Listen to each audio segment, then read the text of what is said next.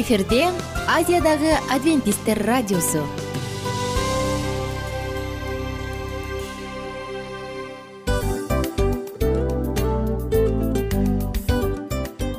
Достор салют. Баардык сүйүктүү угармандарыбызга салам айтабыз. Кутман күнүңүздөр менен. Ден соолук өмүрдүн булагы демекчи саламат саамы программасында баарыңыздарды көргөнүбүзгө абдан кубанычтабыз. Анда алгач амандашып өтөлү арбаңыздар деп. Ден соолугуңуздар кандай элибизде көбүнчө ден соолук кандай дегенде эле жакшы деп жооп беребиз э? ооруп турсак дагы жакшы дейбиз. Анан мен муну айтып ойлойт элем бул абдан сонун сөз депчи анткени бул жакшы деген үмүт да э ооба. баары жакшы болот. Баары сонун. Деп үмүттөнүп атып эле өзүбүздү өзүбүз дарылап коебуз. Анысы кандай? Сиздин дагы ден соолугуңуз жакшы беш деген үмүттөбүз чындыгында ден соолук бул өмүрдүн булагы деп бекеринен айтылган эмес деп ойлойм. Кыргыз элинде анткени эгерде ден соолук жок болсо анда адамдын жашоосунда калган баардык керектүү маңыздуу нерселер өзүнүн баалуулугун жоготуп коет. Ошондуктан ден соолук бул эң керектүү нерсе. Ооба туура айтасың кесиптешим. Чынында ден соолугуң жок бир эки үч күн ооруп калсаң эле э кандай болуп калат? Жашоодо көз каранды болуп каласың көп нерсеге жетишпей каласың көп нерсени кыла албай каласың жада калса эшикке дүкөнгө да чыга албай каласың. Туптуура анан ден соолук болсо демек биз биздин бактыбыз тоодой деп койсок болот. Анда достор саламат рубрикабызды баштайлы. Алдыда өзүңүзгө керектүү болгон сонун кеңештерди уга аласыздар. Мына ошондуктан биз менен бирге болуңуздар. Ал эми биз болсо милан жана айнура. Кеттик алга. Алга саламат саама ден соолуктун жарчысы. Саламат саама ден соолуктун ачкычы. Күн сайын сиз үчүн мыкты кеңештер сонун жаңылыктар кызыктуу фактылар биздин рубрикада.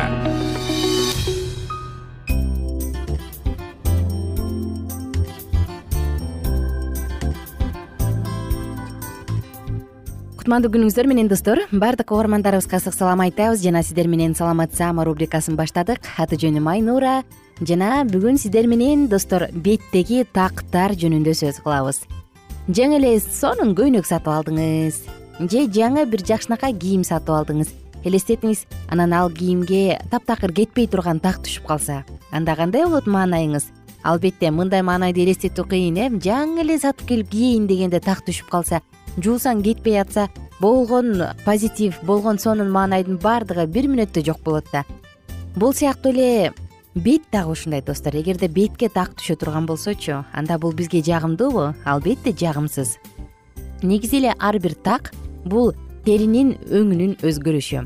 Кененирээк алдыда айтып беребиз ошондуктан бетте так бар болсо өзүңүздө же жакыныңызда анда биздин уктурууну калтырбай угуңуз анткени алдыда сонун маалыматтардын баардыгы сизди күтөт. Достор кандай тактын түрлөрүн билебиз жөнөкөй гана сепкил бар э? Бул зыянсыз жана мындай жагымдуу көрүнөт. Кээ бир адамдарга көбүнчө кандай түрдө болот десеңиз саргыч ачык саргыч түстө болот. Кимдир бирөөнүкү болсо тескерисинче бир аз бир аз күрөңүрөөк түстө болот. Албетте бул адамдын бетинин терисинен өңүнөн дагы көз каранды.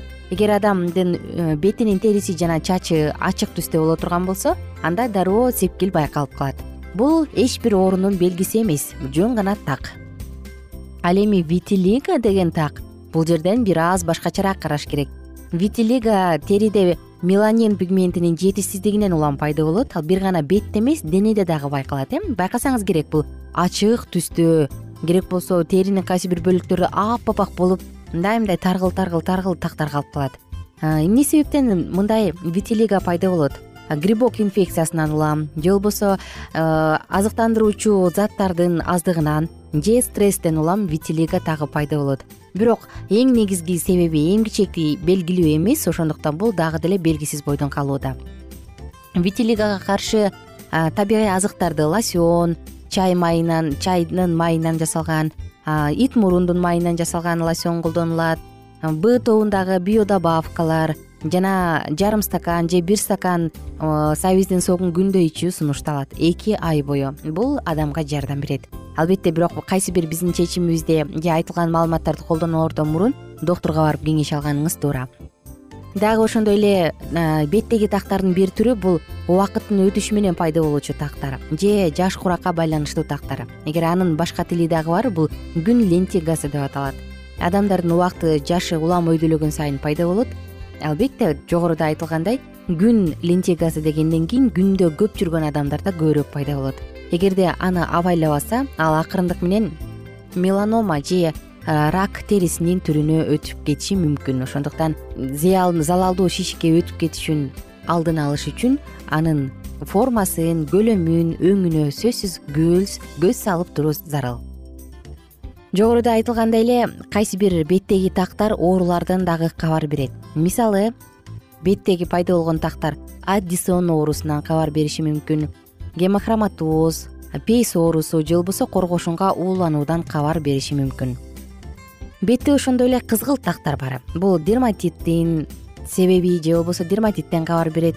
Дерматит эмне десеңиз теринин суукка урунушу ангиома пурпурадан дагы кабар бериши мүмкүн.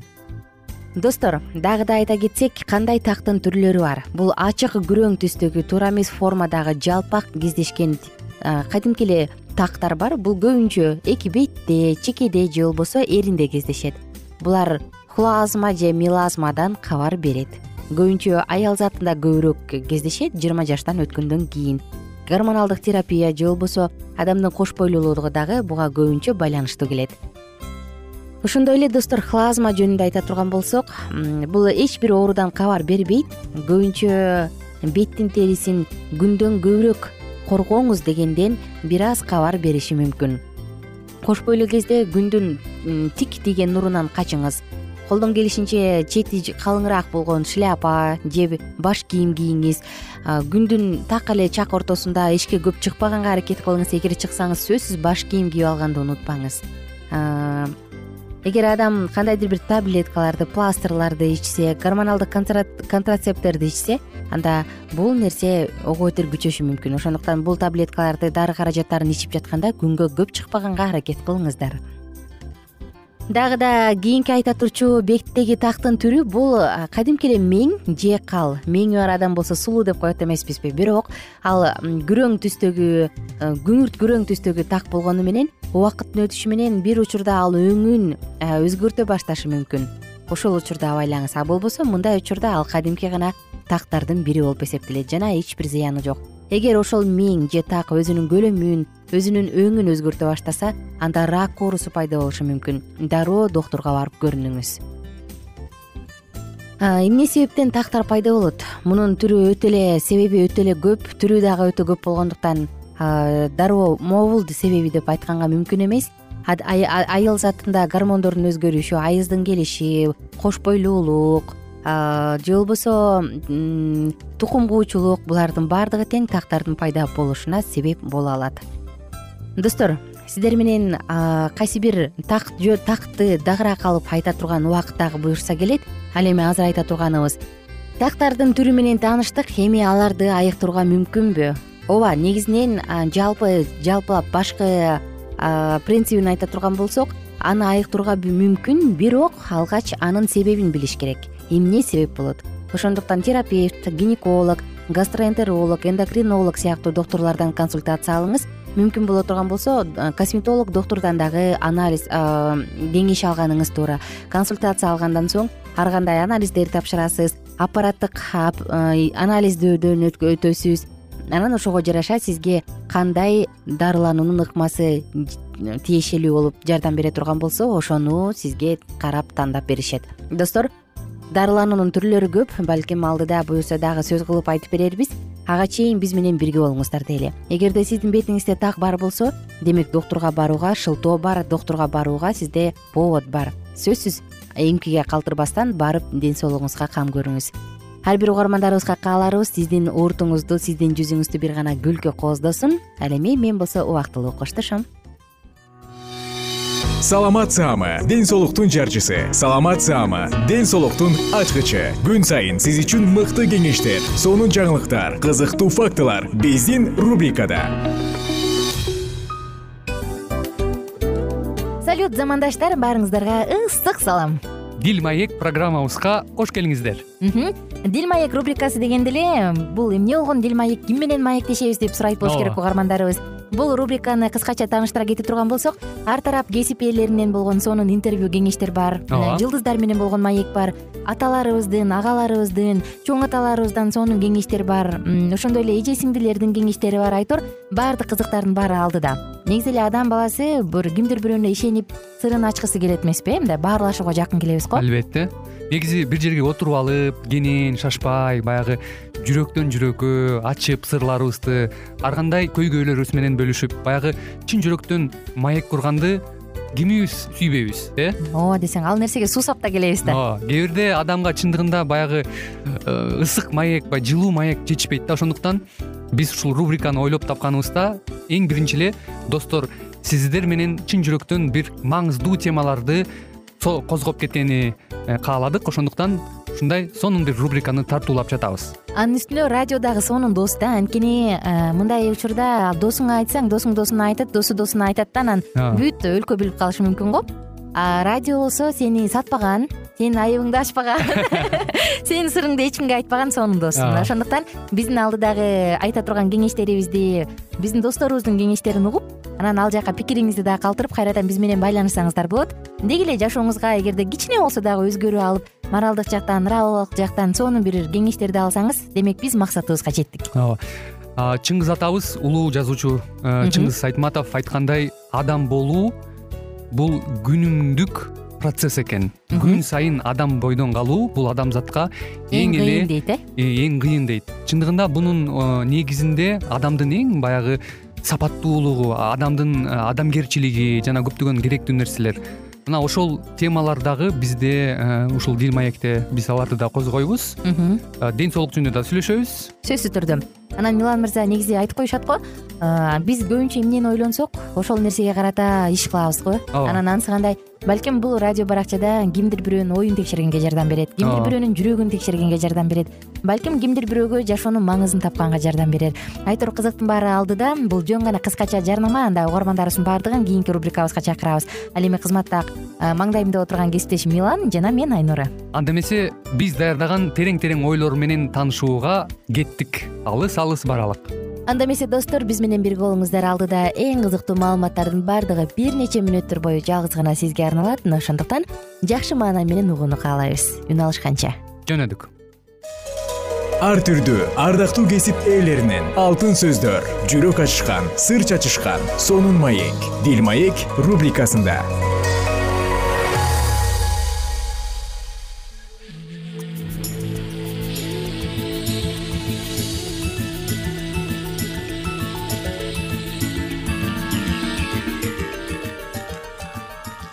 кутмандуу күнүңүздөр менен кымбаттуу радио угармандарыбыз сиздердин назарыңыздарда бактылуу никенин баалуу эрежелери аттуу программабызды баштамакчыбыз. Бүгүнкү программабыздын чыгарылышында биз үй бүлө жаатында темабызды козгойбуз. Андыктан бүгүнкү уктурууда биздин одон алыстабай биз менен биргеликте болуңуздар. Буга чейинки программабызды эсиңиздерге сала кетсек кадырман радио угармандар биз сүйүү жолугушуулар жана нике аттуу берүүбүздү дал ушул никеге чейин э, үй бүлө кура элек биздин э, жаш муундар үчүн даярдалган берүүбүздү дагы буга чейин тыңдап келдиңиздер. Ал эми бүгүнкү программабыздын чыгарылышында биз сиздер менен бактылуу никенин баалуу эрежелери аттуу программабызды баштамакчыбыз.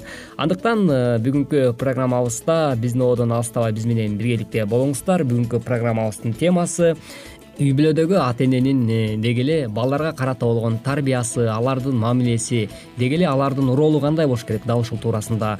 Маегибизди улантабыз андыктан биз менен биргеликте болгула саламатсыңарбы биздин сүйүктүү угармандарыбыз? Айланаңызда болуп жаткан ар кандай абалдарга же кандай кыйынчылыктарды өтүп жатканыңызга карабастан сизди сүйгөн жана сиз үчүн кам көргөн адам бул сиздин жолдошуңуз. Дайыма өзгөрүлүп турган дүйнөдө сиздин көйгөйүңүздү чечкенге жардам бериш үчүн жана сиздин коопсуздугуңузду камсыз кылыш үчүн ал сиздин жаныңызда. Жубайлар көп учурда плюс жана минустай таптакыр эки башка адамдай сезилишет. Алардын ар биринин мүнөзү алсыз жана күчтүү жактары бар. Жашоонун оор мезгилдеринде жубайлардын биринин күчтүү жагы чыгып экинчисине кыйынчылыктарды жеңип чыкканга жардам берет андан тышкары үй бүлө бул коомдун эң кичинекей уюму. Так ушул жерде адамдын ортосундагы мамиле пайда болот жана өөрчүйт ата эненин жүрүм туруму балдар келечекте боло турган өз үй бүлөсүнө үлгү кылып алышат. Жубайлардын ортосунда жана ата эне менен балдардын ортосунда мамиле канчалык жакшы болгону балдардын чоңойгондо кандай болоорун аныктайт. Демек күйөө менен аял үй бүлөгө бирдей жоопкерчиликтүү ал эми үй бүлөдөгү тартип болуш үчүн күйөө менен аялга өзгөчө милдеттүү жоопкерчиликтери бар. Бирөөсү үй бүлөнүн башчысы ал эми башка бирөөсү жардамчысы болуш керек. Үй бүлөдө күйөө бул башчысы ал эми аял анын жардамчысы болот баардык мамиледе баш ийүүнүн жана бийликтин принциби өкмөт менен элдин ортосунан баштап күйөө менен аялдын ортосунда жүргүзүлүшү керектигин түшүндүрөт. Бул принцип бир адам башка адамды кулдандыруу үчүн эмес бирок дагы да белгилеп кетебиз. Коомдун баардык жагында тартипти жана коргонучту камсыз кылуу үчүн керек. Биринчиден эркек жаратылган андан кийин аял жаратылган аял эркекке жардамчы катары жаратылган. Кул катары эмес бирок жардамчы катары. Андан тышкары аялды жаратыш үчүн кудай сөөктү эркектин согончогунан эмес башынан эмес бирок жүрөктү коргоп турган анын кабыргасынан алган. Элдердин алдында ал күчтүү эрктүү жана чечкиндүү көрүнүшү мүмкүн. Ал эми үйдө жашоонун кыйын учурларында ал кичинекей баладай болуп жолдош жана эң жакын адамы болгон аялынан жардам күтөт. Ал эми акылдуу аял жарын башка эркектерге салыштырбай. Ал кандай болсо ошондой кабыл алып жана сүйүп аны өзү каалагандай нукка түшүрүп өзгөрткөнгө аракет кылбастан анын адамдык алсыздыктарын түшүнө билип анын күчтүү жактарына маани берип баалап турат. Биз аялдар дүйнөдө бүт жагынан төп келишкен аялдар жок болгондой эркектер да жок экенин мойнубузга алышыбыз керек. Эркек бала энесине кандай мамиле кылса кийин аялына да ошондой мамиле кылат. Эркек бала чоңойгондо күчү менен кыянаттык кылбаш үчүн энеси баласын мырза болгонго үйрөткөнү абдан маанилүү. Энеси баласына өз күчүн туура колдонуп жана энесин сыйлаганды үйрөтөт. Ошондо ал баардык аялдарды сыйлап алат. Себеби жетилген аял эркекте өөрчүгөн бул чуңду. Кымбат автомашинасынын же коомдогу жогорку ордун гана көрүүнү каалабайт. Бул нерселер жакшы болсо дагы анын каалоолорунун биринчиси эмес. Биринчи ордунда ал эркектен чыныгы мырзанын көргүсү келет. Башкача айтканда ал үчүн эшик ачып үстөлдү жылдырып жана анын баалуу экенин билип аяр мамиле кылган адамды көргүсү келет. Андан тышкары эркек бала атасынан да үлгү алат атасынын күчтүү экенин жана эгер керек болсо кимдир гана болбосун көчөгө ыргытып жибергенге алы жетерин билет. Бирок качан ал үйгө келгенде өз жарын коргогонго дайым даяр болгон жумшак адам болуп калат. Андан тышкары интеллектуалдык күч боюнча дагы атасы жогору билимдүү жана зээндүү болушу мүмкүн. Бирок ал жубайын ар бир нерсе үчүн сындабай анын ордуна өз акылын ага жагыш үчүн анын көңүлүн көтөрүш үчүн жана көйгөйлөрдү чечкенге ага жардам берип колдош үчүн колдонот. Натыйжасында эркек бала физикалык жактан жана интеллектуалдык күчтүү үй бүлөнү материалдык жактан гана эмес бирок өз жубайын коргогонго сүйгөнгө да колдонулаарын түшүнөт. Биздин балдар баарын көрүшөт түшүнүшөт жана ар бир сөздү жана көз карашты өздөрүнө сиңирип турушат. Ата энесинин ич ара мамилесине көз салган бала анын энесин бир сөзүнөн атасынын жүрөгү эзилип турганын көрөт. Андыктан ал аялдарга берилген күчүн түшүнүп жана атасынын жакшылыгына колдонгон энесинин акылмандуулугун сыйлап баштайт. Эң негизгиси ал ата энесин бириктирип турган улуу сүйүүнү көрөт. Ошентип бала атасынын болочок жарына кандай мамиле кылуу керектигин үйрөнөт. Ал эми кыз бала болсо энесинин күйөөсүнө кантип баш ийүү керектигин үйрөнөт ал энеси атасынан сүйүктүүсүнө кандай урмат жана кадыр менен жооп кайтарып жатканын көрүп келечектеги турмушка чыгуусу жөнүндө жакшы ойдо болот. Мына ушундай эрежелерди сөзсүз түрдө жашооңуздарда колдоно аласыз деген үмүттү берип бүгүнкү программабызды урматтуу угармандар жыйынтыктамакчыбыз.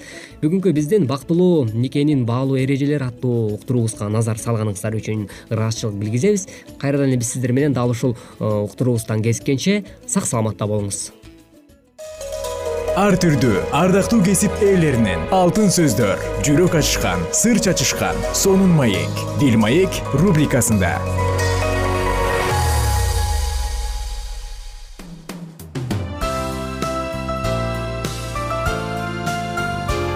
Эфирде азиядагы адвентисттер радиосу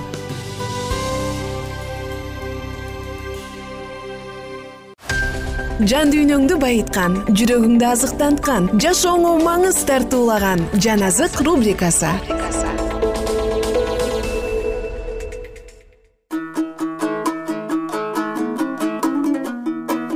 Саламатсыздарбы агайын туугандар эже сиңдилер жана жалпы кыргыз элим жалпыңыздар менен амандашып сиздер менен бирге улуу күрөш китебин андан ары окууну улантабыз бул сааттарда жараткан кудайыбыз. Сиздин жүрөгүңүздү сооротуп кубаныч тартуулап жана сизге сүйлөсүн? Биз менен бирге болуңуздар. Биз болсо саатыбызды уланталы.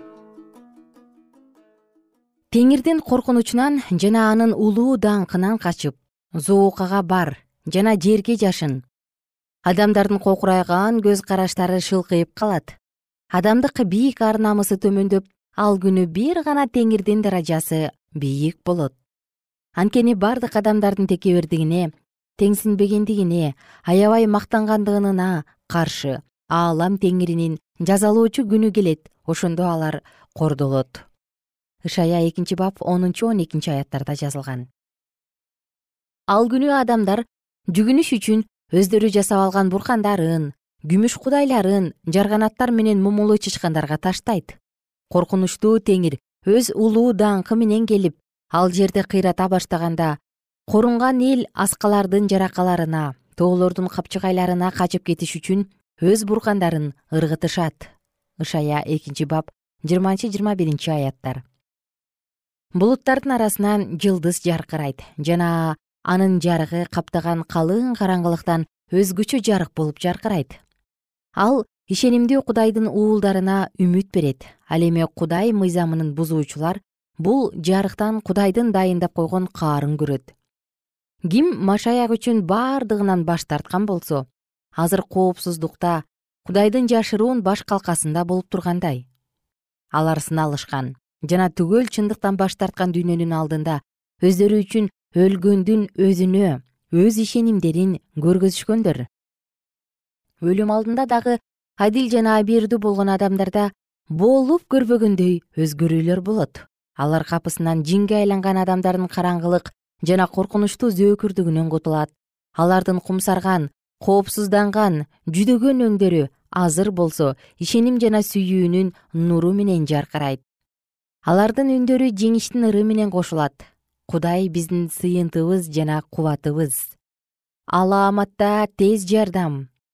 Ошондуктан жер титиресе да тоолор козголуп деңизге чөксө да биз коркпойбуз алардын суулары шарылкылдап толкундары көтөрүлө берсин. Алардын толкундары тоолорду тирей берсин.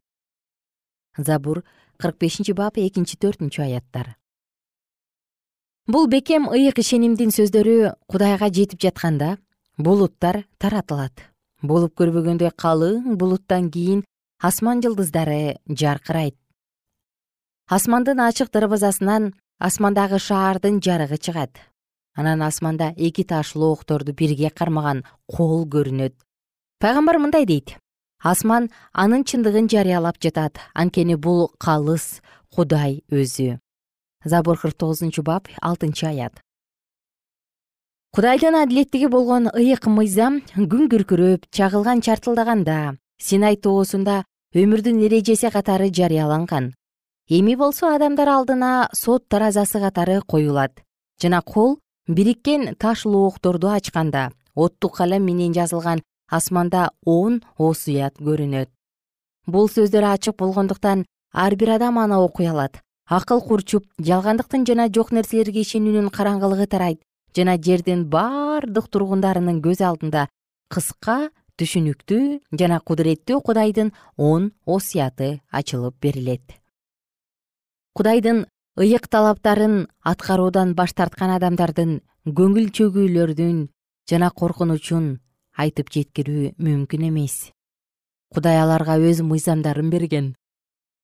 Алар аны менен өз мүнөздөрүн салыштырып жана өз жаман адеттерин таап алууга жана тобо келтирип оңолууга мүмкүнчүлүктөрү бар болуучу. Бирок бул дүйнөгө жагынууну каалашып алар кудайдын мыйзамдарынан баш барк алышкан жок жана башкаларды дагы ошондой окутушкан. Алар кудайдын адамдарын ишемби күнүн булгап бузууга мажбурлаган. Эми болсо аларды ошол өздөрү аткаргысы келбей койгон кудайдын мыйзамы айыптап жатат. Үрөй учураарлык коркунуч менен аларга карата куткарылуу жок экендигин алар билишет. Кимге кызмат кылуу керектигин алар өздөрү тандап алышкан. Ошондо адилеттүү менен арамзаанын кудайга кызмат кылган менен ага кызмат кылбагандын ортосундагы айырманы кайтадан көрөсүң. Малахия китеби үчүнчү бап он сегизинчи аятта жазылган. Кудай мыйзамынын душмандары дин кызматчылардан тартып жөнөкөй адамдарга чейин чындык жана өз милдеттери жөнүндө эми башкача түшүнүшөт. Төртүнчү осуят ишемби тирүү кудайдын мөөрү экендигин алар өтө кеч билип калышты алар өздөрү карманган негиз жалган ишембинин чыныгы максатын эми гана билишкен. Кудайга каршы күрөшкөндүгү аларга азыр маалим болду. Диний окутуучулар бейиштин дарбазасына бара жатабыз дешип аларды өлүмгө алып кетишкен. Диний кызматтарды аткарган адамдардын жоопкерчилиги кандай жогору экендиги жана алардын ишенимсиздигинин акыры кандай боло тургандыгы кыямат күндө гана белгиленет ар бир жоготулган адамдын чыныгы баасын биз түбөлүктүү гана биле алабыз. Кудай менден оолак кет жаман кул деп айткан адамдардын энчиси кандай гана кайгылуу. Асмандан машаяктын келеринин саатын айткан жана ишенимдүү бойдон калган адамдар менен келишим түзгөн кудайдын добушу угулат чагылган болуп жаткандыгы күндүн күркүрөгөнү сыяктанып бул үн жердин бардык булуң бурчуна жетет. Кудайдын адамдары өз жүзүн асманга каратып ар бир айтылган сөздү угушат алардын жүзү муса пайгамбар тоодон түшүп келе жатканда жүзү жаркырап кеткендей кудайдын даңкына жаркырап турду. Аларды кароого адилетсиз адамдар батына алышкан жок. Кудайдын ыйык ишембисин сактап ага тил алчаак болгондорду бактылуу деп жарыялаган жеңиштин үнү жаңырып жатты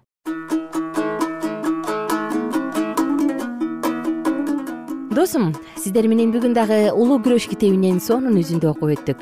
Ушул акыркы күндө акыркы сурнайдын үнү тартылганда акыркы периште кабарын айткан учурда сиздин жүрөгүңүз эң бактылуу адамдардын катарында болсун. Баардыгыңыздар менен кайрадан амандашканча.